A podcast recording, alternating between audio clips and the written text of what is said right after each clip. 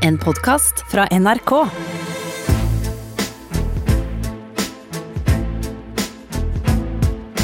Trump mot verden med Gjermund Eriksen og Sean Henrik Matheson.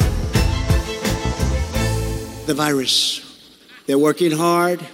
Looks like by April, you know, in theory, when it gets a little warmer, it miraculously goes away. I hope that's true. But we're doing great in our country. China, I spoke with President Xi, and they're working very, very hard.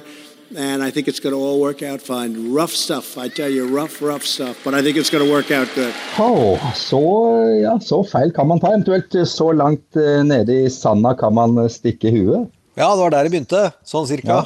Ja, det var det. Var, dette var i januar, var det ikke det? Jo, det tror jeg. Eller eh, tidlig februar. Jeg husker ikke helt akkurat den. Men eh, det er en bra åpning å sette scenen, for det skal jo handle om Donalds karakterreise, denne episoden her. Ja, det gleder jeg meg til. Jeg gleder meg veldig, Gjermund. Eh, Velkommen til Trump mot verden, du som hører på. Veldig hyggelig at du gjør det. Jeg heter Sean Henrik Matheson. Gjermund Eriksen har du også hørt stemmen til allerede. Gjermund, åssen går det? Nei, det går veldig bra etter sånn helt personlige forhold. Så er jeg jo bygd for å ligge på sofa, jeg. og, kan, og, kan, og jobber fint liggende på sofa. Jeg har levert eh, siste episoden i en serie som eh, håper blir noe av. Så egentlig, den delen er fin. Og så er det koronabekymring rundt, Ja. så klart. Eh, Har du fått hjem faren din, eller? Han var jo stranda i, i Spania siste uke. Ja, det på tirsdag. Da kom han med en Dreamliner. Jeg er litt flyfantast. Ja, Kom med en Dreamliner. Med en Dreamliner. Ja. Og det var, det var veldig stor koronaspenning i familien. For faderen har en veldig sjelden lungesykdom som ikke jeg kan helt navnet på engang. Eh, og som er veldig skummel. Og nå er de i Rakstad i totalkarantene og isolasjon ut august, sikkert. Tilbake til Det var min korona. Hvordan har din Ja. koronauke vært? Ja, det, det er karantenetid, selvfølgelig. Jeg er hjemme. Jeg hoster og er litt forkjøla. eh, Men eh, ikke noe korona, tror jeg. Nei, det er jo fint vær. eh, Storfamilien er på plass. Vi, vi bor jo på samme Vi har to hus på en tomt, og i det andre huset så bor søstera til Tikke med hennes familie. Så vi er en sånn storfamilie som, som henger sammen og, og koser oss egentlig. Så det går greit. Vi griller i bålpanna og skater og holder på. Så vi har det fint, vi altså, etter forholdene. Det er mange som har det verre enn oss, og vi har ikke noe å klage på sånn foreløpig. Så jeg syns vi klarer oss bra, jeg. For, å, for å oppsummere veldig kort. si det enkelt. Ja. Eh, vi, vi sitter altså nå eh, på hvert vårt eh, hjemmekontor. Du i Ski. Gjermund, jeg Bærum. Produsent eh, Silje Martinsen Vettre er eh, hjemme i leiligheten sin i Oslo. Eh, Det er fredag formiddag den 20. mars, dag 1155 av hans presidentskap. Taper han er det 305 dager igjen. Vi snakker om Donald Trump, selvfølgelig. Hva annet skulle det være? Hjelmen, hvor starter vi i dag? Jeg tenkte at vi skal begynne med litt varme der vi var forrige gang. eh, og litt sånn om eh, hva som er katastrofefilmen og katastrofeseriene, eller der det er store samfunnsproblemer som oppstår. Eh, og at det skaper en del varme mellom mennesker. og at vi kjenner på hvordan man bryr seg om Altså Man bryr seg mer. Det er som forstørrelsesglass på våre relasjoner. De man bryr seg mer om, de eh, blir man mer glad i, og de som irriterer, de irriterer litt ekstra. Og til det en liten bikommentar. Rolig på Facebook, folkens. La capslock ligge. La, Altså, sånn, generelt, ja. tenker du, i dag, sånn i forhold til korona og alt mulig som Ja, det er, mange, det er en del folk som uh, har litt behov for å rope. Men Mm. jeg tenkte jeg skulle gå til West Wing, denne serien som har tatt for seg utrolig mange politiske fenomener, og som vi går til noen ganger. Og der er det en scene som tar for seg akkurat det når verden står på spill, og hva som gjør med deg når du får mye ansvar, og du vet du ikke kan få gjort noe med alle. Og der er det det som er min favorittkarakter, og veldig manges favorittkarakter, og på mange måter seriens egentlige hovedperson. Han heter Josh Lyman. Josh Lyman. Og han er visestabssjef. Eh, Og han gjør mye feil, og så gjør han mye bra. Og det er derfor veldig mange blir glad i han, eh, fordi han eh, er ganske menneskelig i det. da. Og så er han over snittet dyktig, så mange kan synes da. Og han er akkurat sånn som meg, og litt over snittet dyktig, for de fleste av oss føler oss som litt over snittet dyktig innimellom. Ja. Eh, men det han har fått beskjed om, er hva skjer hvis det kommer en atombombe? Og da får han en brikke, så han skal være med presidenten hvis han skal opp i et fly, eller hvis han skal ned i en bunkers. Og så har han skjønt at de andre nærmeste medarbeiderne, de skal ikke reddes. Okay. Og det har han bekymra han det har bekymra han lenge, gjennom hele episoden. Så sitter han og tenker på livet og døden og hvem han skal miste og hvem han ikke skal miste, og er ganske bekymra. Og så går vi inn der hvor det Du får Ave Maria, og han, Josh Lyman han er jøde. eh, Og CJ Craig, som da kommer inn, hun er pressesekretæren. Og det sekretær må dere ikke la dere forvirre av, for press secretary det kan dere tenke mer på som ja, Det er nesten så du kan se på det som en ministerpost. eh, Ja, ja, men det er ikke helt det. Men det er i hvert fall statssekretærpost. Ja. Ja. Og hun kommer inn, og da har eh, Josh vært bekymra en hel episode. Hør her. Josh, I was knocking, but you didn't answer. I didn't hear the door. What are you doing? I think I'm ready to brief the president on the smallpox article. Why don't you forget about that for tonight and come have some chili? Everyone's there. CJ, an NSC staffer gave me a card with instructions on it for what I'm supposed to do in the event of a nuclear attack. They want me up in the plane or down in a bunker. They don't want you. Or Sam or Toby, for that matter. I, I didn't want to be friends with you and have you not know. Josh, have you been upset about this? Yes, You're very sweet sometimes. You really are. CJ. Of course, they don't want me, Josh. I'm a press secretary. I don't think they're going to be issuing a whole lot of releases. Sam and Toby are communications, and my guess is that speechwriting won't be a priority either. Ja, og der hører vi at hun skjønner jo at det å være pressetalsmann, det er ikke atombombekritisk. Altså det, det som skal eh, Hvis noe slikt skjer, så skal ikke hun opp i fly. Men, og forstår at han har vært bekymra. Men det han gjør da, det er at det er ikke egentlig derfor han var redd. Det han hadde fått, var en rapport også, hva som skjer hvis det skjer noe med epidemi. Og så kan vi høre da hvordan West Wing allerede på 90-tallet snakka om grunnen til å være, være redd for en pandemi. Hør her på Josh Lyman. Schubert was crazy, you know? Yes. Think you have to be crazy to create something powerful? Josh, the Cold War is over. There's not going to be a nuclear. God, CJ. It's not going to be like that. It's not going to be the red phone and nuclear bombs. What's it going to be? It's going to be this. It's going to be something like this. Smallpox has been gone for 50 years. No one has an acquired immunity. It flies through the air. You get it, you carry a 10 foot cloud around with you. One in three people die. If 100 people in New York City got it, you'd have to encircle them with 100 million vaccinated people to contain it. Do you know how many doses of smallpox vaccine exist in the country? Seven. If 100 people in New York City get it, there's going to be a global medical emergency that's going to make HIV look like cold and flu season. That's how it's going to be a, a- little test tube with a, a rubber cap that's deteriorating. Guy steps out of Times Square station, psh, smashes it on the sidewalk. There's a world war right there. Ja, der, ja. ja jeg, jeg skjønner hva du mener. Ja, og da sier han jo at det faktisk er noen som uh, har utvikla et virus, så det er noe mer konspiratorisk, for å si det pent. Men i Ja, hvert fall, det er risikonivået. Og det er en veldig følsom, god episode, og som høyt opp på lista over hva vi anbefaler alle å se alltid, er Westfield. Ja, det ligger jo en, en podkast-tipsliste ute, nei, en serietipsliste ute på nrk.no, som var fra oss i Trump mot verden-redaksjonen. Bare for å nevne det, kaster inn, da, hvis det er greit. igjen. Det må være lov. Ja. Altså, og da har vi vært i den, alvor, altså den alvorlige, følsomme eh, tilnærmingen til katastrofefilmen. Så nå tenkte vi at vi går til underholdningsdelen. ja, For det deilig. er, ja, og der er det For det er, det er relevant for denne uka her, for å si det som vi sier eh, på Mysen. Ja. Relevant. for i katastrofefilmen så møter man ulike mennesker i ulike rekkefølger, og de har ulike funksjoner for å få fram hvordan hovedpersonene reagerer på denne katastrofen. Og da har jo den som mange kanskje husker, 'Nothing to see here'-personen. Den som helt insisterer på at det ikke er noe.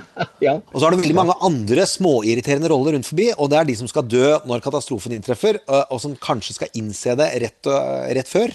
Og i sånn filmhistorien så var katastrofefilmen en stor sånn oppblomstrende greie på 70-tallet og 80-tallet, og hvor man, eh, en god del, man fikk en del A-kjendiser til å spille disse menneskene som skulle dø, fordi at man syntes det var litt gjevt. Det er en fun fact på siden. Og så har man de med falske verdier. Altså Det er også katastrofefilmens veldig mm, eh, veldig flink til å få fram hva er det samfunnet egentlig står for. Altså hva slags moral skal vi ha i denne situasjonen? Og de som da snakker ned og mot den moralen, de pleier å få det ganske hardt og ganske vondt. Og så er det de som må reddes. Og det er eh, De dukker gjerne opp midtveis i filmen. Så er det noen som man begynner å ta ansvaret for, og som man prøver å dra med seg, og som blir utrolig vanskelig. Og mot slutten av midten så blir de ofte sittende fast i en veldig farlig situasjon. Og resten av historien handler om at skal vi klare å redde den? Og det, det, I det typegalleriet, det er, og det er ofte innimellom da slektninger av folk som er involvert. F.eks. kona til presidenten, som det ikke går så bra med i den filmen. Men i den filmen så må den reddes. Og ja, ja, jeg skal ikke spoile så mange, men det er uh, mye å se. Ja, jeg skjønner. Og hvis, ok. ja, og hvis du skal ta en av de mer irriterende i, som jeg har et sterkt forhold til, og Hvorfor kanskje du har òg, er fordi at jeg har sett eh, Die Hard er på mange måter en katastrofefilmaktig konstruksjon. Eh, Det ene er jo et terrorangrep på en høyblokk, og i det neste så er det et angrep på en flyplass, hvor det er veldig mange liv som kan gå tapt. Og da møter vi på flyplassen eh, La oss si han er en besserwisser. Vil jeg si. Ta og hør her. Just shut down that area and send your Oh, people just in. shut the area down. It's that simple. Huh? Just shut the area down. Yeah. And I got everybody from the Shriners Convention to the goddamn Boy Scouts traipsing through here. I got lost kids, lost dogs, not now, later.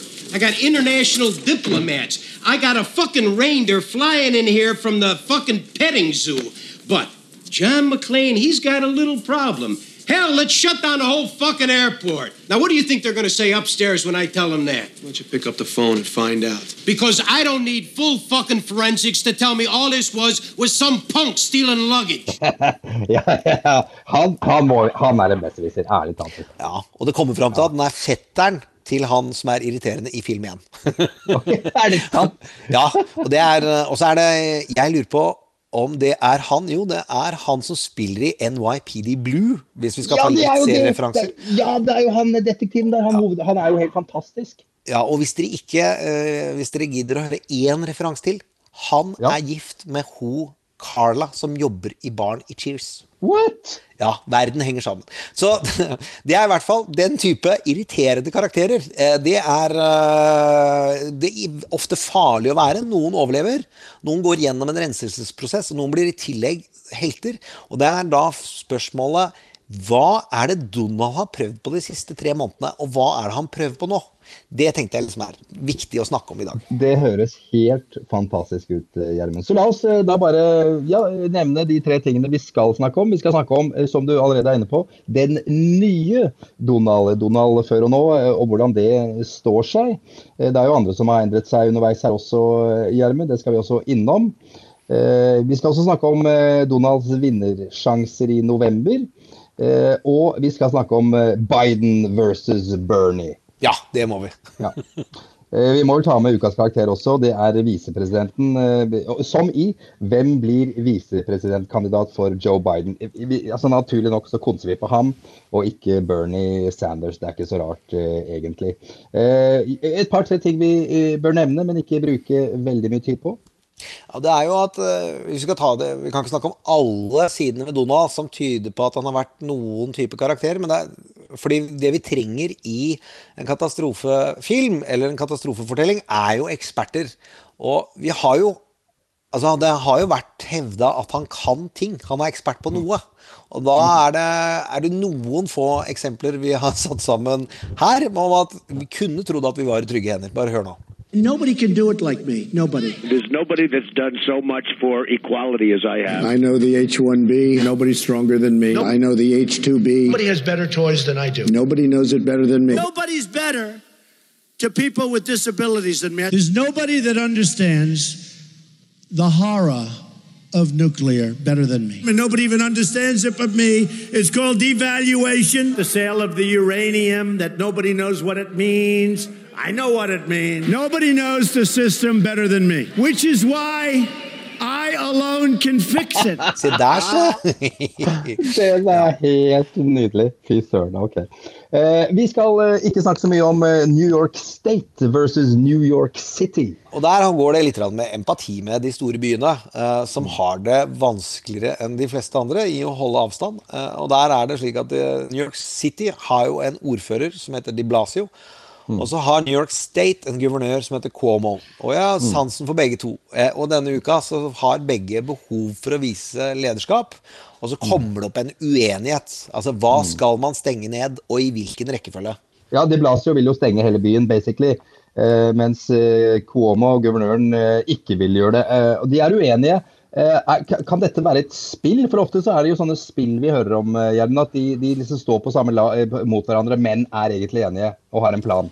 Ja, det, det er jo noen som driver og leker litt med tanken på at Cuomo prøver da å tilnærme seg Trump på en positiv måte og være løsningsorientert. Og de Blasio skal være litt sånn eh, bad cop i for de man trenger den føderale hjelpen fra sentralt. Mm. Og det tror jeg ikke helt. Jeg tror at Di Blasio må i denne perioden vise at han fungerer i krise, for nå gjelder det virkelig. Det er utrolig mange menneskeliv. Og så har man det med Cuomo.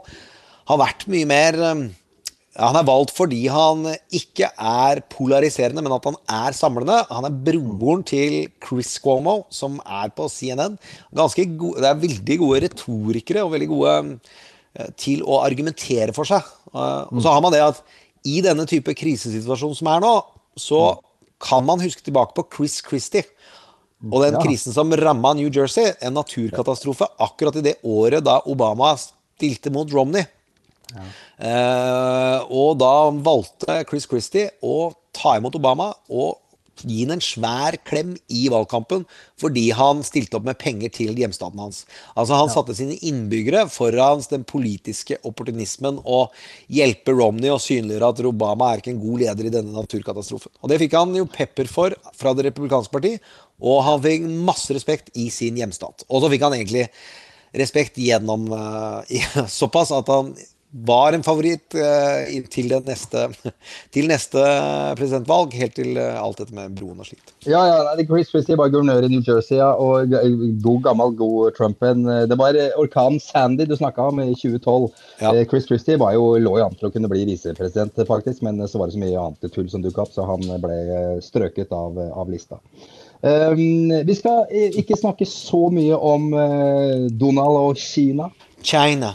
Men det er klart at, det er klart at eh, Donald har prøvd å vise lederskap denne uka, og eh, eh, har jo da dette koronaviruset. Så kan vi høre her hvordan han denne uka da transformerer hvordan han har lyst til å omtale det viruset eh, i, la oss si, en eh, retning ikke alle liker. Hør nå.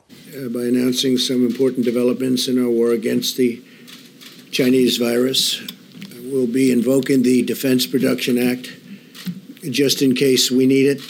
Why do you keep calling this the Chinese virus? There are reports of dozens of incidents of bias against Chinese Americans in this country. Your own aide, Secretary Azar, says he does not use this term. He says ethnicity does not cause the virus.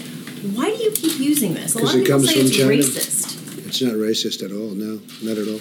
It comes from China. That's why. Comes from China. I want to be accurate.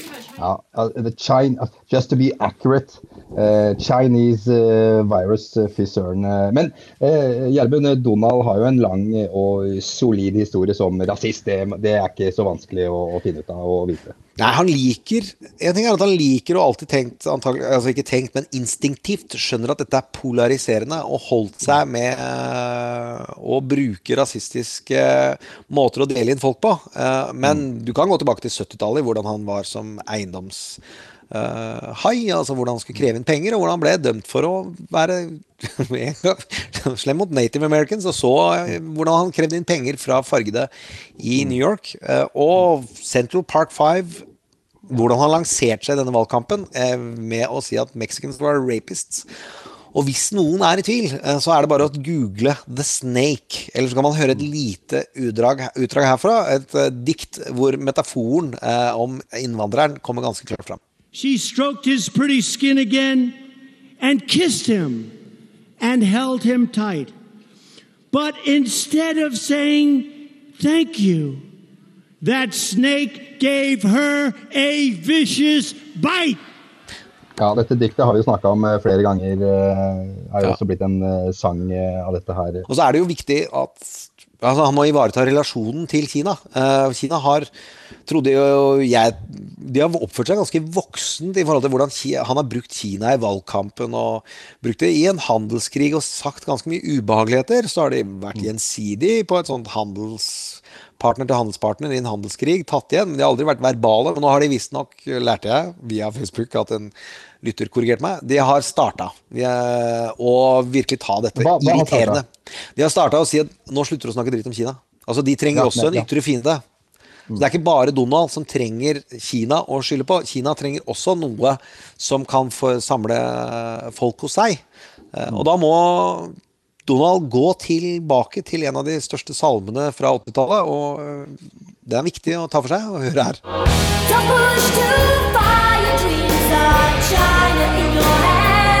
Ok, det, det, må, være- det må være lov å ta fram til må være pow Ja, i disse tider. Ja, jeg er helt enig. Eh, Vi har jo fått en, en innmari fin eh, visualisering av dette, for å, for å si det sånn. Det Ligger på vår eh, Facebook-side. Eh, Fått av en eh, lytter. En meme.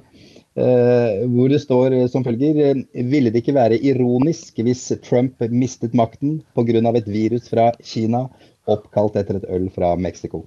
Jeg er enig. Det ble, eh, den var, eh, det, det, og den det finnes veldig mye mange steder på Facebook. Det er veldig, blitt utrolig bra delt, som det heter.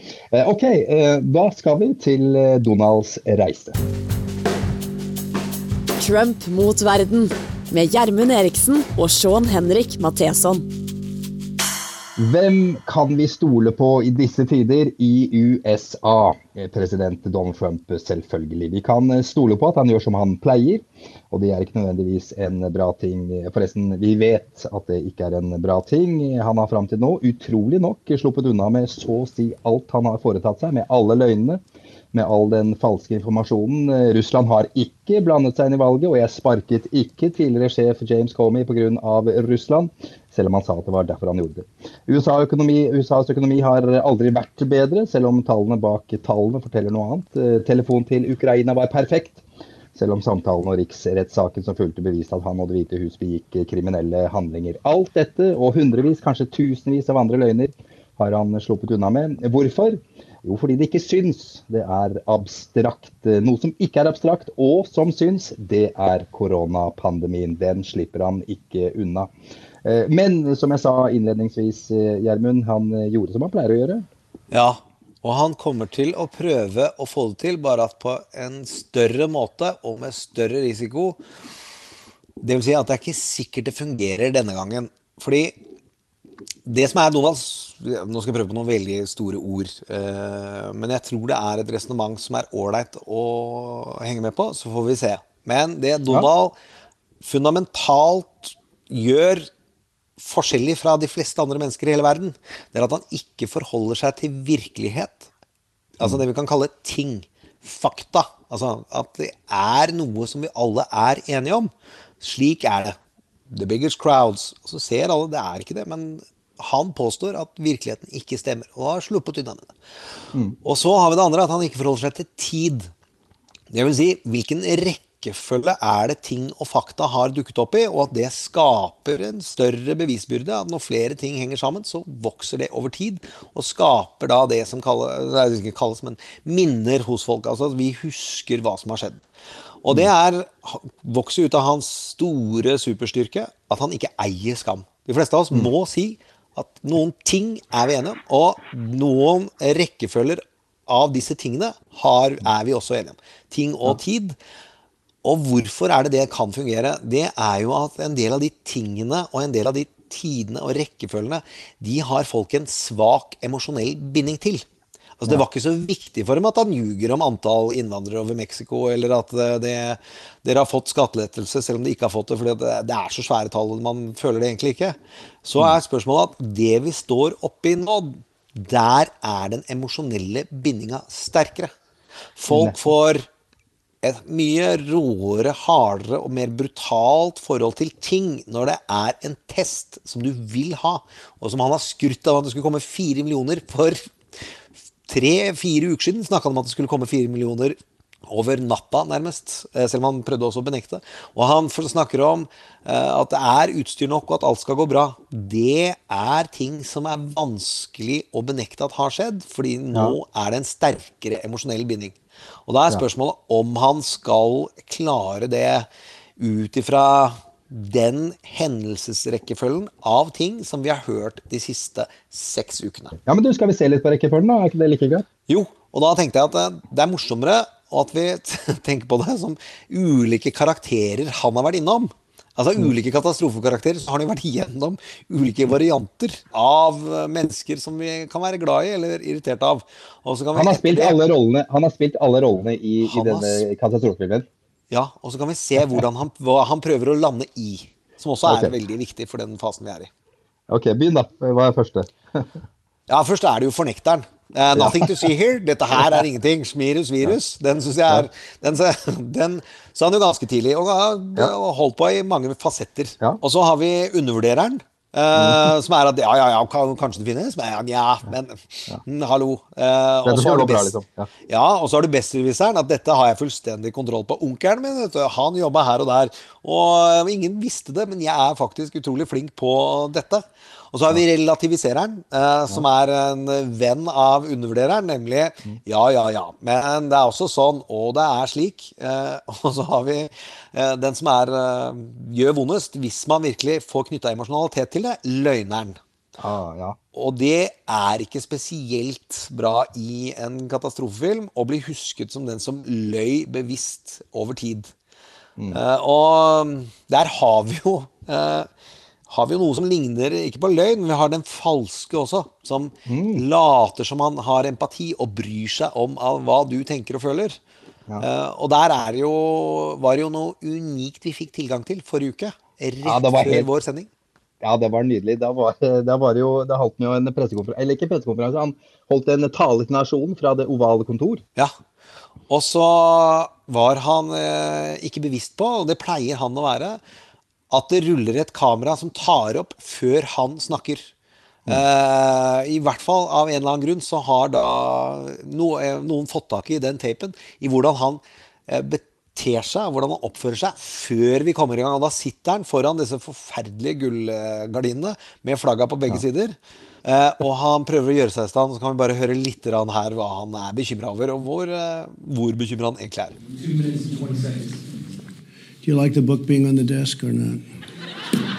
Would you rather have it not be? Maybe it looks better. It gives you something up here, right? Does it matter? A what? Wow. Uh-oh. I got a pen mark. Anybody have any white? Do you have any white stuff? White stuff, does anyone have any white stuff? Ja, det er, Å, skal jeg sitte med boka eller ikke sitte med boka? Skal jeg sitte Ja, med boka, er eller skal jeg ikke sitte med boka? Vi har også lyd fra det som skjedde etter at talen var ferdig, som også er ganske eh, morsomt. Ja, og her er det viktig å se for seg at han har da holdt for første gang en virkelig alvorlig budskap om at nå skal vi ta tak i ting. Det er Uh, hensyn vi må ta. Landet står i en mer nasjonal krise enn noen gang. Han har bedt om sendetid for andre gang i sin presidentperiode. I hovedsendetida, beste sendetid i alle kanaler. Og lest fra den teleprompteren på en ganske tung, tung måte. Og så skrus kameraet. Hør her nå. We're clear. Okay. Okay. Ok! Ok. Ja. Så der, der er vi innom den type karakter du ikke har lyst til å være. Uh, at du ikke bryr deg uh, godt nok. Og så har du den tvilende lederen, som også han har vært innom etter hvert som han har holdt denne talen. Så begynte han også å formulere setninger som var ja, vi skal begynne å ta dette på alvor. Han glei tilbake i rollene og benekte og sa at eh, tester kommer og sånn. Og så kommer han til da den viktige, viktige, den han har lyst til å være, den dedikerte lederen. Og da, Det er den du vil ha på lag, og som er på lag med hovedpersonen. Og som kommer ut som en helt til slutt, altså. Det er presidenten i Independence Day, f.eks. Ja, han, ble, han går gjennom en liten reise og vokser opp og hjelper Så kan man spørre seg hvem som er hovedpersonen i den filmen. Eh, om det er Will Smith eller han. Men eh, jeg trodde det var Will Smith. Men dette er jo helt eh, nydelig. Det, la oss, kan vi ikke oppsummere alle disse karakterene med, med lyd? Hadde ikke det vært morsomt, eh, Gjermund? Jo, la oss gå gjennom eh, den lille reisen. Her må dere bare spisse ørene, folkens, og høre hvordan stemningen endrer seg. Eh, La oss si at det tar lang tid før det nærmer seg snev av fornuft. The coronavirus, you know that, right? Coronavirus. We think we have it very well under control. We have very little problem in this country at this moment. We pretty much shut it down coming in from China. Looks like by April, you know, in theory, when it gets a little warmer, it miraculously goes away. I hope that's true. Because of all we've done, the risk to the American people remains very low. You know, it could get worse before it gets better. It could maybe go away. We'll see what happens. Nobody really knows. Now the Democrats are politicizing the coronavirus. You know that, right? Coronavirus. And this is their new hoax. The hoax is on them. Not, I'm not talking about what's happening here. Certainly not referring to this. How could anybody refer to this? This is very serious stuff. It will go away. Just stay calm. It will go away. To keep new cases from entering our shores, we will be suspending all travel from Europe to the United States for the next 30 days. This is the most aggressive and comprehensive effort to confront a foreign virus in modern history. We're in great shape compared to other places. Uh, we are in really good shape. Yeah, no, I don't take responsibility at all. It's all over the world. It's incredible. And I've always known this is a this is a real this is a pandemic. I felt it was a pandemic long before it was called a pandemic. All you had to do is look at other countries. Ja, ok. Det er ikke noe tvil om at eh, Donald ja, det har jo, En vending har jo skjedd her, eh, Gjermund. Det er ikke noe tvil om det. Hvordan eh, forklarer vi den? Jo, det er jo Hvorfor det skjer, er jo spørsmålet om, han er, om det er av om det har kommet helsemessig viktig informasjon som gjør at han faktisk tar og endrer tone, stil og gjør fundamentale grep. Altså Da snakker vi om de største grepene som er gjort siden ja, andre verdenskrig, er det som nevnes. Eh, og, eller om det er økonomien.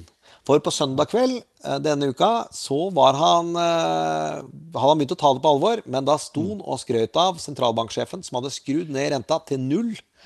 Og da var det fortsatt litt sånn slinger i valsen i uttalelsen hans. Dagen etter, når markedet likevel stupte, da kom den ordentlige 'nå er det bare problemer', og han snakket utelukkende sammenhengende. Så er spørsmålet er det økonomien, empatien eller helseinformasjon som gjorde at han landa i det som da over to dager utvikla seg til at er du nå en wartime president, fikk han da spørsmål om. Og det var på en måte det han da trivdes i. Og det virker som om det er et begrep de har brukt mye på kammerset for Donald. Ja, for Wartime president, det er liksom rått, for da er du en leder i de vanskeligste tider, og da kan du skinne som en stjerne hvis du gjør ting riktig, ikke sant? Ja, og det er jo noen med gode kilder eh, bak kameraene som sier at det har tatt utrolig mye krefter å overtale Donald til å gjøre disse massive inngrepene. Og da har de fortalt om hvordan wartime presidents får samla nasjonen og får økt oppslutning. Slik eh, det, man kan si det skjedde under Lincoln, selv om det var borgerkrig. Eh, Roosevelt i andre verdenskrig og Bush etter at han han fikk jo noe kritikk de første, første uka for noen opptredener og sånn, men etter hvert så vokste bare oppslutningen i hjemlandet eh, i noen år. Han gikk opp til 70 og noe. Og det å være en wartime president, det liker jo Donald òg? For det gir jo autoritet eh, og den type ting. Vil det kunne fungere, Gjermund? Ja, altså det er Da er vi i spådomsmarkedet. Der er det veldig vanskelig å være der også om dagen. Men eh, la meg gå til en sånn stor klisjé først, fra konsulentverden, som jeg også har vært innom. Eh, det er at krise betyr mulighet. Burdusj. Ja, altså det da, Når det er krise, så ringer man konsulenter, så kommer de inn og sier 'husk at krise betyr mulighet'. Det gjør det egentlig ikke. Eh, det, betyr stor forandring og er knytta til et eller annet gresk ord, eh, krisis eller noe sånt noe, men hvor det er en stor medisinsk sykdomsforandring som er betydelig. Så stor, betydelig forandring er det som krise egentlig betyr. Et stort vendepunkt. Aha. Med andre ord, det har stor overføringsverdi til dramatikk. Uh, og i disse store vendepunktene, der veldig mye skjer på en gang, der kan man gå inn og redefinere seg selv. Fram til nå så har han jo ikke klart å holde en moden tone et helt døgn. Og nå kan dere mene at jeg er hyperbol de siste tre årene så er det veldig få uker hvor han ikke har gått ut og vært relativt barnslig i en eller annen sammenheng innenfor 24 timer. Eh, og når han nå var moden mandag og tirsdag, så begynte han å angripe Pelosi, som er lederen i Representantens hus, den kvinnelige som han også trenger. og det er krise, og han angriper også Cuomo og andre personer ganske raskt. Så er spørsmålet da om han vil bare la det være små små drypp her og der, eller man går i type attakkmodus allikevel. Men at det er en mulighet Altså, jeg eh, Det er ikke sikkert at Donalds autoritet er ødelagt eh, er så ødelagt at det ikke kan gjenoppbygges av å redde sin egen befolkning og redde økonomien. Ja. Det tror jeg ikke Selv om det er utrolig vanskelig, og det er litt rart å høre Det høres litt rart ut at han skal klare det, gitt oppførselen de siste fire åra. Eh, Men at det er en mulighet Vi snakka jo om det for eh, forrige sending, at han misbrukte den muligheten når han først skulle adressere nasjonen. Hvis han hadde hatt en moden, inkluderende tone da, så hadde meningsmålene begynt å snu, antageligvis. I, I går så, På pressekonferansen i går så, så, så syntes jeg det var så deilig fordi det var så få eh, journalister der. fordi de, det er ikke plass til alle pga. den avstanden folk skal ha rundt seg. så Det synes jeg var deilig. Det var deilig å ha pressekonferanse med få journalister. Så eh, fortsatt eh, fjoller han jo dette her til, Gjermund. Eh, økonomien skal vi snakke om om noen få minutter, eh, men Gjermund, det er jo andre som også har gått gjennom en slags prosess her og, og endret seg. Ja, og det, det har skjedd så fort. Og, det, og unnskyld for at jeg ler, altså, men det er folk som har hatt helt andre meninger over tre dager, står for noe helt nytt. Det kan man bli ganske svimmel av. Du har jo en eh, Du har jo hatt eh, senatorer og guvernører og som sier at nei, nei, nei, nå skal vi ha det moro, nå må dere kose dere. Og så går det bare veldig kort tid, og så er det en helt annen tone, og ansiktet er i de foldene vi ønsker. Det er i de foldene vi ønsker, men allikevel. Ja, Vi kan jo høre en av våre favoritter, Devin Nunes, eh, eh, republikaner i Representantenes hus, eh, svoren Trump-tilhenger og heier på alt Donald gjør og sier. Er vel også for sikkerhets skyld involvert i Ukraina-skandalen, hadde kontakt med hele den banden der. Vi kan jo høre hva han sa Uh, først. Well, there's a lot of concerns with the economy here because people are scared to go out. Uh, but I will just say one of the things you can do if you're healthy, uh, you and your family, it's a great time to just go out, go to a local restaurant. Yeah. Likely you can get in get in easily. Ja, det var Devin Nunes, det. Ja, det er eh, Og det er eh, To dager seinere så må han beklage. Han er, kommer fra California og er i et konservativt distrikt der og har fått sluppet unna med ganske mye rar konspigalskap, men solid kanossagang eh, fram til mandag. Og Det var flere andre guvernører som var ute på fredag og lørdag og sa «Du, folkens, nå må vi ta det, ta det helt med ro. Vanlige folk er ikke dette farlig for. Gå og spis, gå og kos dere. Og på mandag må si vi stenger skoler, vi stenger alt. Tar tilbake det jeg sa. Eh, her er det eh, alvor som gjelder. Og fram til onsdag så tror jeg det var bare seks delstater igjen som ikke har gjort stor, altså, stor inngripen i en eller annen form. Og de siste seks delstatene hadde sendt ut betydelige varsler, selv om de ennå ikke hadde stengt skolene. Og da, fra torsdag, når Donald holder tale, til den neste onsdag, så har USA endra seg mer enn Altså ved et statlig inngrepen eh, og delstatlig inngrepen enn eh, det man kan tenke seg, altså. Eh, Er det noen flere vi skal nevne, eller er det greit der, Gjermund? Det er vanskelig å ikke nevne noe vi snakka om i forrige episode, Fox News, eller, eller som vår jingle sier. What does the say? Fox er også snudd, hjelmen. Ja, det kan man trygt si. Eh, og der er det jo flere personer som det kan være greit å bare høre etter eh, før og nå.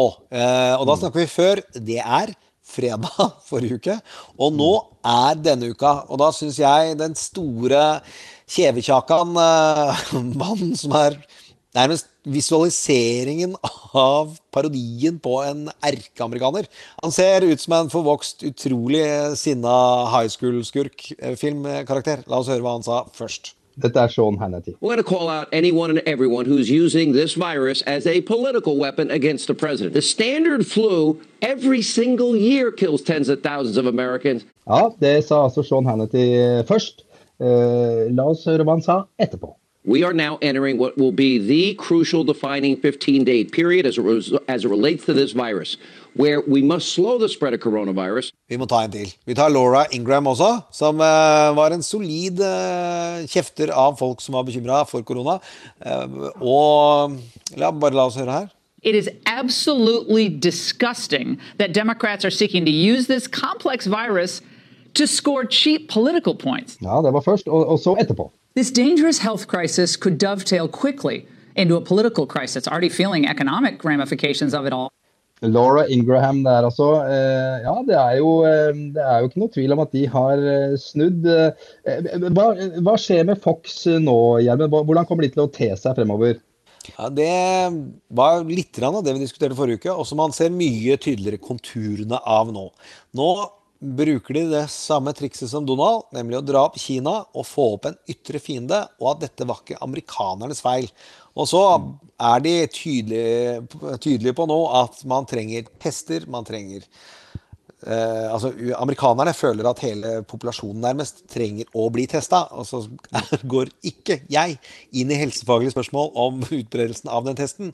Men det har vært ropt på i tre-fire uker, og det kommer til å bli et kjempesymbol på om Donald gjorde det riktig eller galt. Eh, fordi han grep ikke inn og fikk dette masseprodusert. Så dette med tester, dette med beskyttelsesutstyr, det de, kommer de til å mase på, som de andre journalistene, men de kommer til å bruke frykten, følelsen av at dette her er farlig for deg, til antageligvis å bygge lederen sin opp igjen. Nemlig skyve under stolen litt grann hva Donald La oss si at noen av oss mener at han har mangelfull, grepet, gjort mangelfull mengde tiltak de siste seks ukene. Det tror jeg ikke de kommer til å overkommunisere. Og de kommer til å bruke frykten til å vise uh, de tiltak, tiltakene han kommer med nå, uh, som vi kommer tilbake til etterpå, at han kommer svære ting, altså.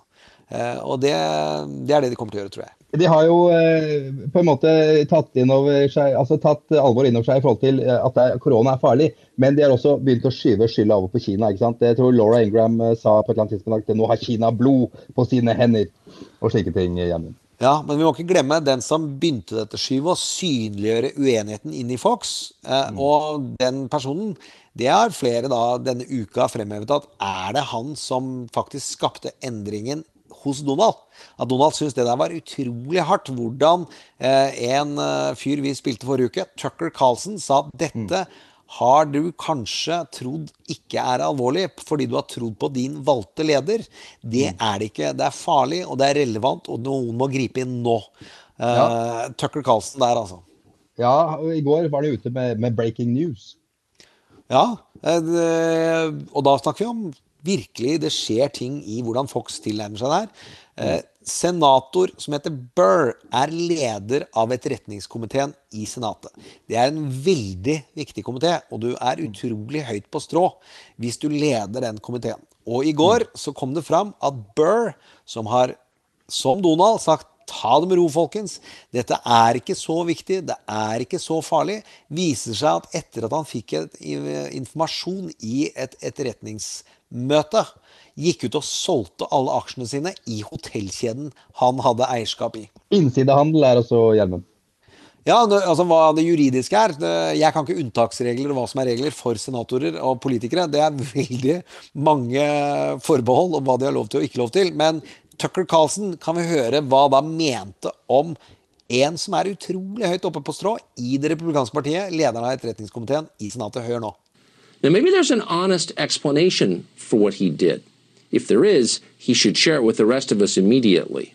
Otherwise, he must resign from the Senate and face prosecution for insider trading. There is no greater moral crime than betraying your country in a time of crisis. Ja, Det er jo helt hinsides, eh, dette her, eh, Gjermund. Det er hva, hva folk får seg til å gjøre, og ikke minst eh, Burr, som vi snakker om nå. Men Gjermund, hvem er Fox News i, i vår katastrofefilm? Jeg vil si at uh, Jeg vil gå tilbake til Die Hard, jeg. Uh, hvis folk klarer å huske både én og to. Uh, I Die Hard 1 så ser du en reporter som gjør hva som helst for å komme på lufta gi, og dekke denne gisselsituasjonen, og gjøre det farlig for John McClain.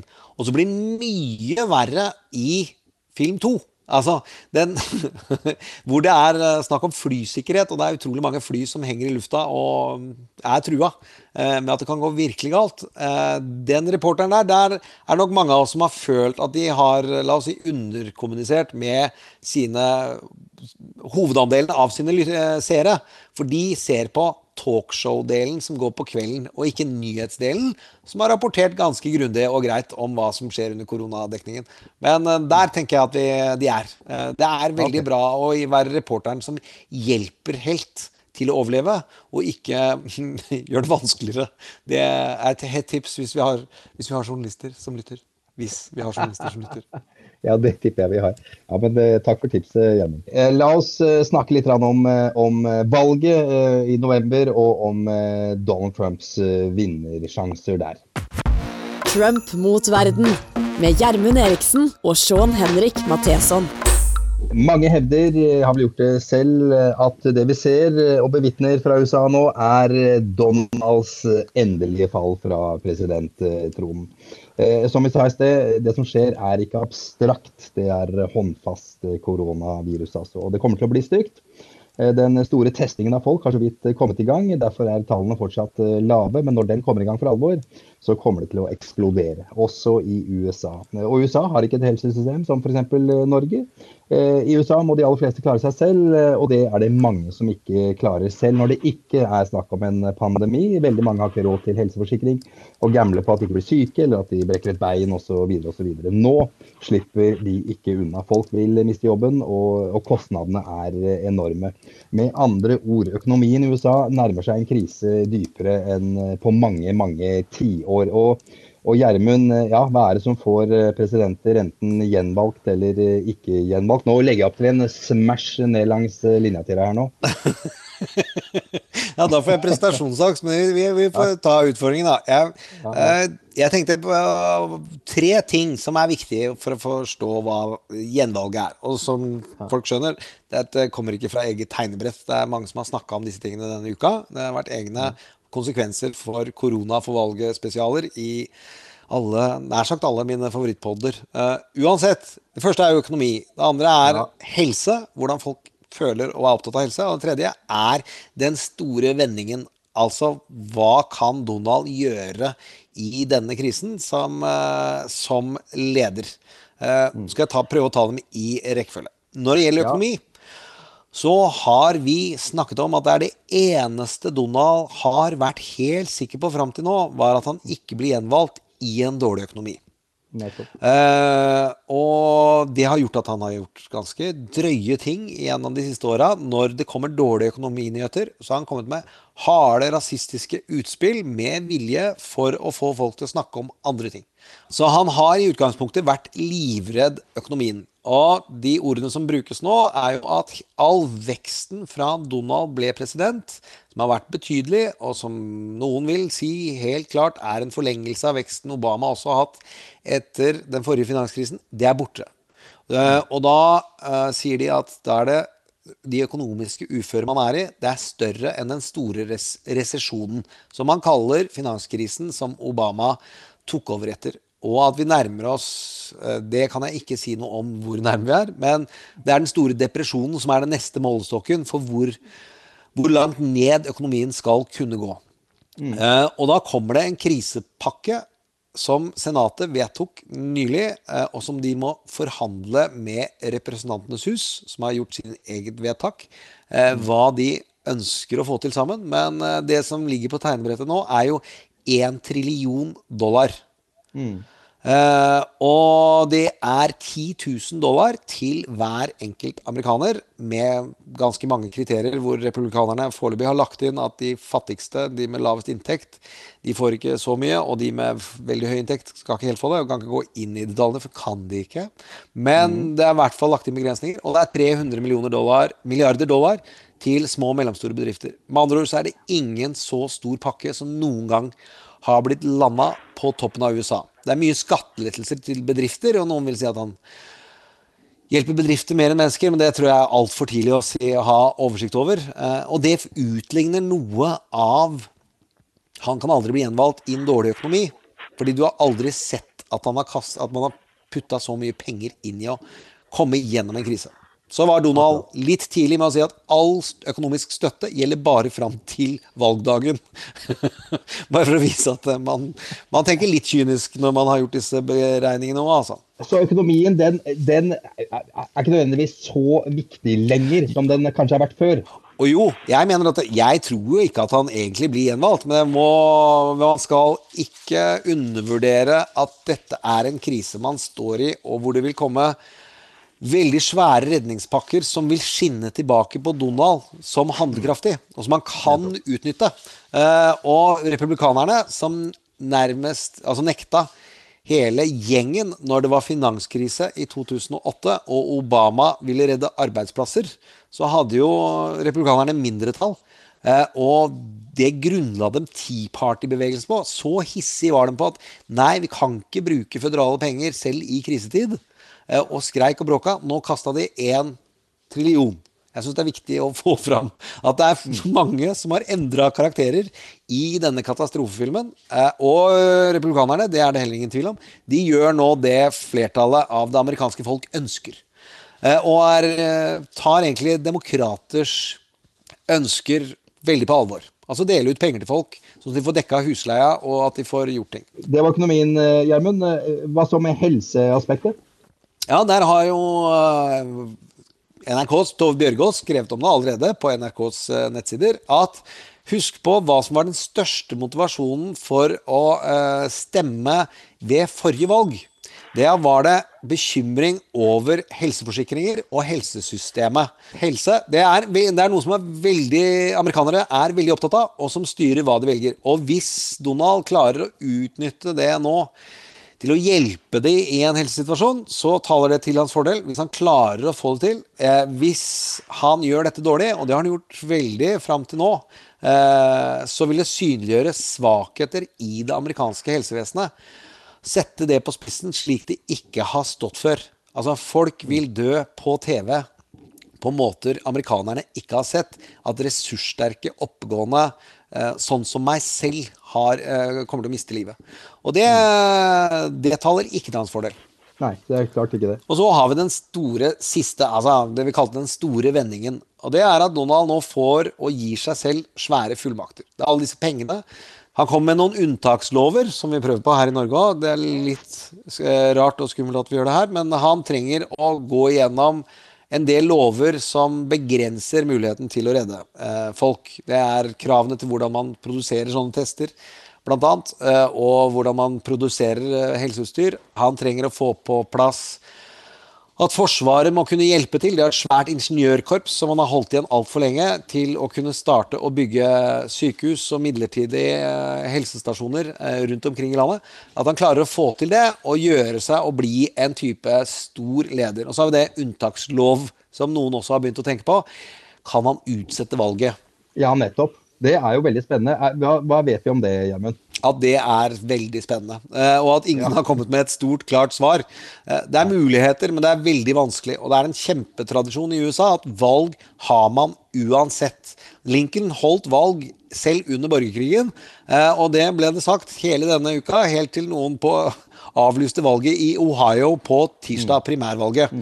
Selv om da domstolen sa at du har ikke lov til å avlyse, så avlyste guvernøren.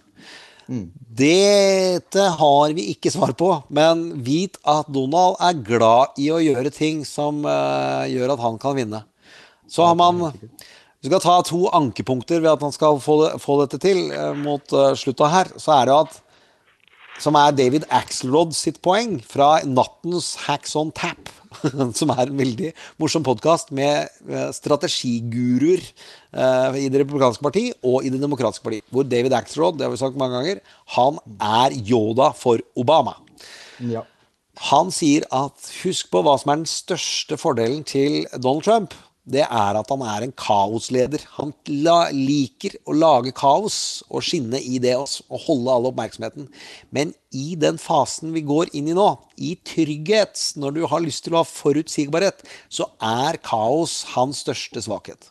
Han har ikke tradisjon for å klare å holde tanken og strategien helt klar, eh, og liker å lage for mye leven til at det taler for at han kommer til å være den forsonende og beroligende wartime-presidenten som Hvis han klarer det, så kan dette ende andre veien.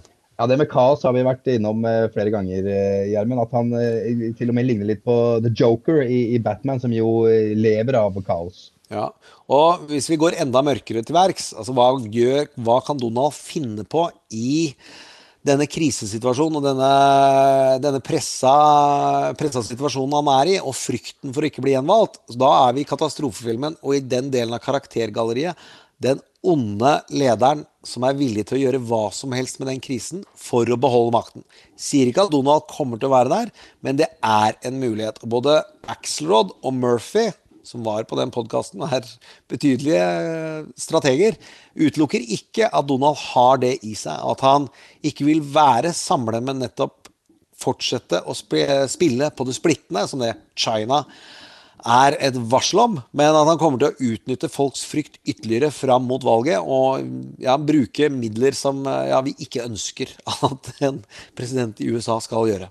Uh, og med de vennlige skal vi kanskje gå videre? Ja, vi skal gå videre, faktisk. Apropos valg, vi skal til eh, Biden. Og vi skal til Sanders. Yes, it is game on for 2020. All eyes are now on who will run for president in 2020. Sounds like a game show, but it's not. One of these candidates could be the next president. Det er to kandidater igjen i kampen om å vinne tilbake presidenttronen. Last kvinne standing, Tulsi Gabbard fra delstaten Hawaii, trakk seg i går. Eh, på tide, vil mange si. Hun hadde sanket eh, kun to delegater. Sjanseløs, selvfølgelig. Eh, hvorfor har hun ikke trukket seg før? Det er det mange som har lurt på. Hun har sagt at, at hun fortsatte å være med fordi hun fortsatt hadde viktige ting å si. Viktige ting å si. F.eks. at hun ville få slutt på den nye kalde krigen i Russland, slutte å krige på fremmed jord og heller bruke pengene på det, på det amerikanske folket. Ja, hvorfor ikke? Viktige ting der. Nå står kun to gamle menn igjen, Joe Biden og Bernie Sanders, med Biden som soleklar favoritt. Han vinner, og han vinner. Supertirsdag, det var vendepunktet, det har vi snakka mye om. Denne uka her så vant han Florida, Illinois og Arizona. Han har nå 1180 delegater mot Sanders 885. Eh, hvordan de gjenstående delstatsvalgene blir gjennomført, om de blir gjennomført, det er et eh, åpent eh, spørsmål. Det er 26 stater som fortsatt ikke har gått til valg. Det høres mange ut. Men for å si det enkelt, de viktigste statene og de viktigste valgene der det er flest delegater å hente, er for det meste unnagjort. Uh, ja, Bernie Sanders, uh, dette her vet han også. og Han har sagt at han er i tenkeboksen. Skal han gi seg eller ikke? Det er uh, spørsmålet. Hva har skjedd siden sist som vi bør snakke om, Gjermund? Ja, hvis jeg skal gjøre det veldig kort, fordi vi er i ferd med å gå tom for tape. ja, det er helt riktig. Vi må gjøre det sånn. Ja, det er at det var to vendinger forrige uke. Det ene er jo at det var et stor debatt. Og den, før den så tenkte man at Bernie var veldig rolig, og han hadde oppfordringer til eh, Biden om å komme han i møte. Og så i den debatten eh, så er det litt humor at Biden klarer ikke la være å kjefte tilbake. Så det blir en ganske sånn der konkurransedebatt hvor Bernie er Bernie og Biden er Biden, og det blir ikke den forsoningen man hadde ønsket seg. Og på tirsdag så tar jo da Biden og vinner i, med soleklar margin i de tre delstatene som avholder valg. Og nå er ledelsen så mye som den aldri har vært i Demokratisk partis historie, at noen har klart å ta den igjen. Så spørsmålet er avklart. Og for at folk skal skjønne at det her går jo inn på Bernie òg, eh, så kan man bare spille hva han sa i forgårs. Når en reporter prøvde å ymte inn på hva, hva gjør du nå, Bernie? Kan vi høre hva han sier her? What's your time frame for making a decision? I'm dealing with a global crisis. Right now, I'm trying to do my best to make sure that we don't have an economic meltdown and that people don't die. Is that enough for you to keep me busy for today? Å, en irritert, irritert Bernie Sanders der. Ja, eh, og vi kan snakke mer om hvordan dette overføringen av makt og hvordan det skal bygge samhold uh, neste uke. Uh, det, jeg tror det er viktig å skjønne at Bernie Det er ekte følelser han har i dette, dette opptaket om at han vil hjelpe til i Senatet, han har lyst til å hjelpe det amerikanske folk, og mm. syns det her er unødvendig.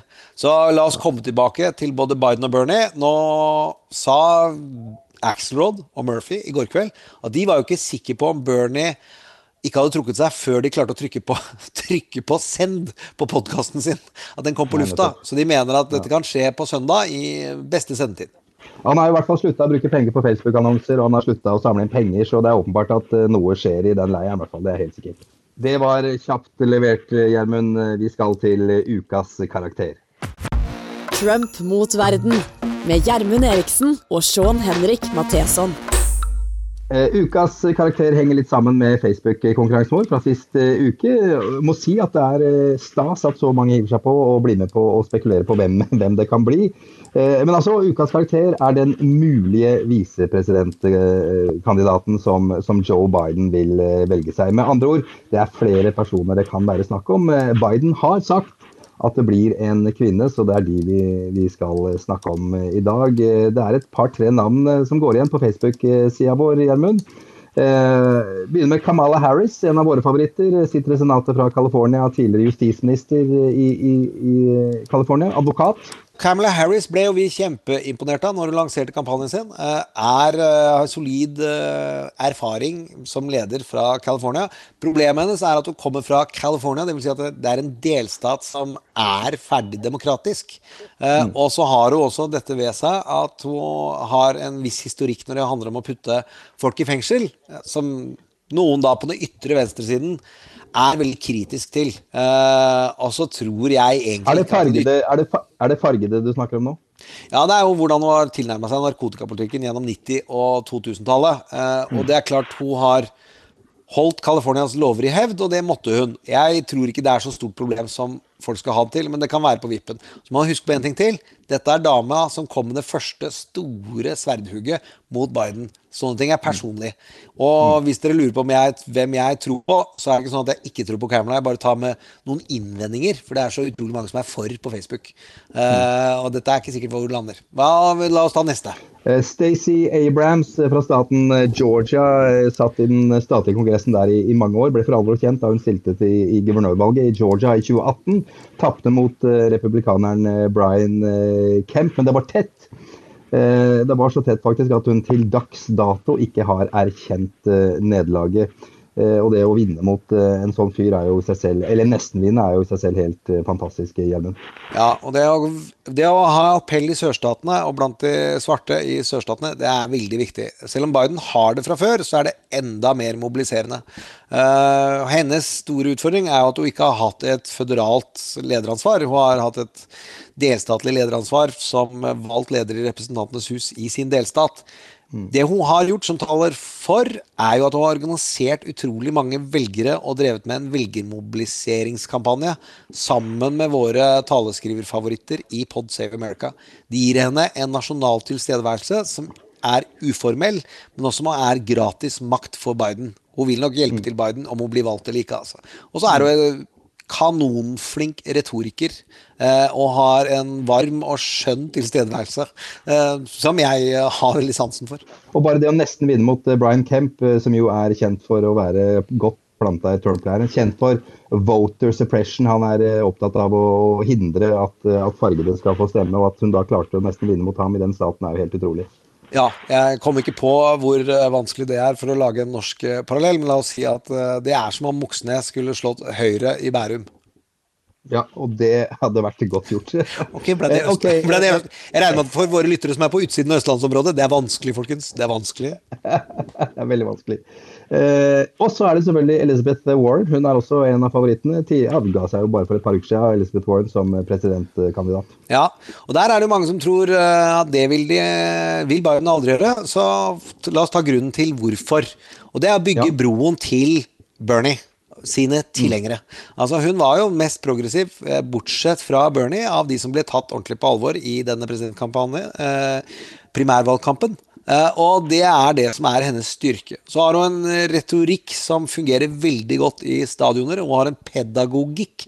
At hun klarer å menneskeliggjøre avanserte politiske fenomener, eh, og gjøre at folk føler at urettferdigheten finnes, og at hun kan hjelpe til med å utligne det. Det er, eh, det er hennes styrke. Og så er det at hun er en hvit dame i 70-åra. Hun også. Det, ja, eh, det tror jeg taler imot, for å si det pent. Det taler imot at hun er hvit, men det taler for at hun kan bygge bro eh, til Bernie Sanders-gjengen. Alderen er det viktigste. Eh, Det syns jeg tar, tar mest imot. Men vi har to grupper til som er litt vanskelig å ta eh, og gå gjennom i detalj. Det ene er at det er guvernører, kvinnelige guvernører for, i Det demokratiske partiet, som er mulig å se for seg. Du har I Michigan så har du Gretchen Whitmer, som er flink. Og så har du noen i den andre delstater som jeg ikke husker navnet på, men som også er er viktig for at Biden skal kunne hamre inn en ekstra delstat og vinne med. Og til slutt så har Marie Simonsen tatt fram et poeng på Facebook-sida vår. Eh, og det er at det kan bli en helt fra koronabekjempelsen. Og da er det gjerne i guvernørleddet disse heltene vil komme. Noen som virkelig klarer å gjøre noe på et delstatsnivå. Eh, som kan eh, bli valgt opp for at Biden trenger å synliggjøre seg i koronakrisen som et alternativ til Donald. Nettopp. Marie Simonsen skriver jo godt uh, i, i Dagbladet. Og Det er flere kandidater enn det, og som en dyktig kommentator i Washington Post sier, eh, det er ikke sikkert at det blir noen av disse. Vi tenkte at vi holder konkurransen oppe, i hvert fall én uke til. Eh, og så er det premie til alle som får rett for et digitalt diplom. Vet ikke hvor viktig de, dere syns det er, men det er et forsøk på å hvert fall belønne at det skal lønne seg å spå riktig også. Uh, jo, og så tok jeg meg litt friheter i dag tidlig, fordi det var noen som hadde veldig morsomme forslag. Uh, og Ivanka Trump. Hvis Biden velger Ivanka Ja. Trump, det syns jeg er morsomt. Og så er det noen som er velger da det vakreste forslaget, vår podkasts største og øverste beskytter, Michelle Obama. Og da, da har vi sagt da går vi eh, til Trondheim eh, barbeint. Jeg er sikker på at de har spurt eh, Michelle Obama, men det er ingen som tør å si det, for hun har sagt nei. Det er min Ja, teori. jeg, ja, jeg, jeg utelukker ingenting. I den krisen her så må dere huske på at det er veldig mye som eh, Mange baller som blir kastet opp i luften. Uansett, vi holder konkurransen oppe i to uker til. Trump mot verden med Gjermund Eriksen og Sean Henrik Matheson. Kjære deg, eh, veldig hyggelig at du tar deg tid til å høre på oss eh, i, i disse Ja, for veldig mange, eh, kanskje deg, ekstremt vanskelige og, og rare tider. Det syns vi er veldig, veldig hyggelig. Det foregår stadig masse interessant på vår Facebook-side, Trump mot verden. Bli med på moroa. Og hold tonen god, som vi pleier å si. Ja, unødvendig, egentlig, for der er det egentlig hele tida god stemning. Send oss en mail hvis du vil. Trump at nrk.no. Eh, Det er som vanlig Silje Martinsen Vettre som har produsert denne episoden her. Det har hun gjort eh, fra, har hun gjort fra hjemmekontoret sitt med et lite barn på fanget hele tida. Bare kaster inn det. Eh, vi så helt til slutt, eh, Vi mener ikke å være slappe på konkurranser, sånn som du allerede har nevnt, eh, Gjermund. Selv om vi kanskje er det, men de er nødt til å prioritere hva vi bruker tida på vår for tida. Ganske enkelt. Men vi tenkte vi skulle plukke ut en låt fra den fantastiske låtlista vi har laga i, Spotify, eller som du som hører på egentlig har laget, Gjermund. Ja, Vi har bedt folk foreslå hvilken sang bør åpne dramaserien som lages for 1 milliard kroner om Donald Trump eh, sitt presidentskap. Så da skal du velge sang og komme med det forslaget. Eh, og så har vi Det har kommet utrolig mye bra, og så prøver vi å bygge den spillelista på Spotify for de som er interessert. Og det er en eh, Jeg har jogga til den. Den er fin. Det er masse fine låter. I forrige uke så, så brukte vi Carly Simon, 'You're So Vain'. Jeg har valgt en annen låt eh, denne uka her. Gjermund, eh, jeg har tatt meg friheten til å skrive ut en scene her som jeg er ganske stolt av. Er du keen på å høre? Hei, hei, hei, kom igjen. Jeg er veldig klar. Jeg trenger inspirasjon. Jeg har levert, jeg har ferdiglevert. jeg. Nå trenger jeg en ny manus. Kjør, kjør, kjør. På. Ja, hør på dette. her, hør på dette her. Vi har, vi har jo sett The Loudest Voice eh, på HBO begge to. Det er sikkert du som hører på også, også gjort. Eh, En serie om mannen som bygget opp eh, Fox News. Og den serien åpner jo med at hovedpersonen, Roger Ailes, dør. Hør på dette her, Gjermund. Hva om scenen den som vi skal lage nå, åpner i et mørkt og dystert ovalt kontor? Kanskje vi ser det ovenfra og ned? Papirer ligger og flyter på gulvet. Vi ser at Donald Trump sitter der alene bak presidentpulten sin, og på pulten så ligger det rester av fast food og Kentucky Fried Chicken, og han har ketsjup på skjorta si, selvfølgelig. Gardinene vaier lett i vinden bak ham, og han har det ansiktsuttrykket han alltid har, som et furtent lite barn.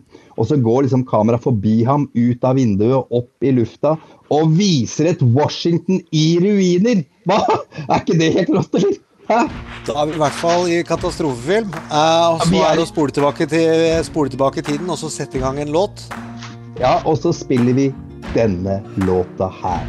You can run on for a long time, run on for a long time, run on for a long time. Sooner or later, gotta cut you down. Sooner or later, gotta cut you down. Go tell that long tongued liar, go and tell that midnight rider. Tell the rambler, the gambler, the backbiter. Tell him that God's gonna cut him down. Tell him that God's gonna cut him down. Well, my goodness gracious, let me tell you the news. My head's been wet with the midnight dew. I've been down on bended knee, talking to the man from Galilee. He spoke to me with a voice so sweet, I thought I heard the shuffle of angels sweet. He called my name and my heart stood still. When he said, John, go do my will. Go tell that long-tongued liar. Go and tell that midnight rider. Tell the rambler, the gambler, the backbiter. Tell him that God's gonna cut him down. Tell him that God's gonna cut him down. Du har hørt en podkast fra NRK. Hør flere podkaster og din NRK-kanal i appen NRK Radio. Er det sant at koronaviruset ikke dreper flere enn vanlig influensa? Den store forskjellen er at når det gjelder influensa, så har de fleste av oss litt beskyttelse fra før, fordi vi har vært utsatt for influensavirus tidligere. Hvordan slapp Donald Trump unna i riksrettssaken, når nesten alt tyder på at han var skyldig? One of President Trump's top lawyers claimed any president has almost unlimited power. I år er det ikke mulig å stemme via SMS. I år kan du kun levere stemme på nrk.no. Hva skjedde i kulissene da stemmesystemet i MGP-finalen brøt sammen? Marerittet. En total teknisk kollaps. Og så var det jo bare å prøve å finne ut av ok, men hvordan skal man fylle den ekstra tida. Fordi eh, da var det sånn Du kan jo gå i green room, men når jeg da står i, skal stå i green room, da er jo alle artistene vekke. Alt dette og mye mer får du vite i Oppdatert, podkasten som gir deg peiling på sakene alle snakker om. Hør Oppdatert med meg, Ragna Nordenborg, nå i appen NRK Radio.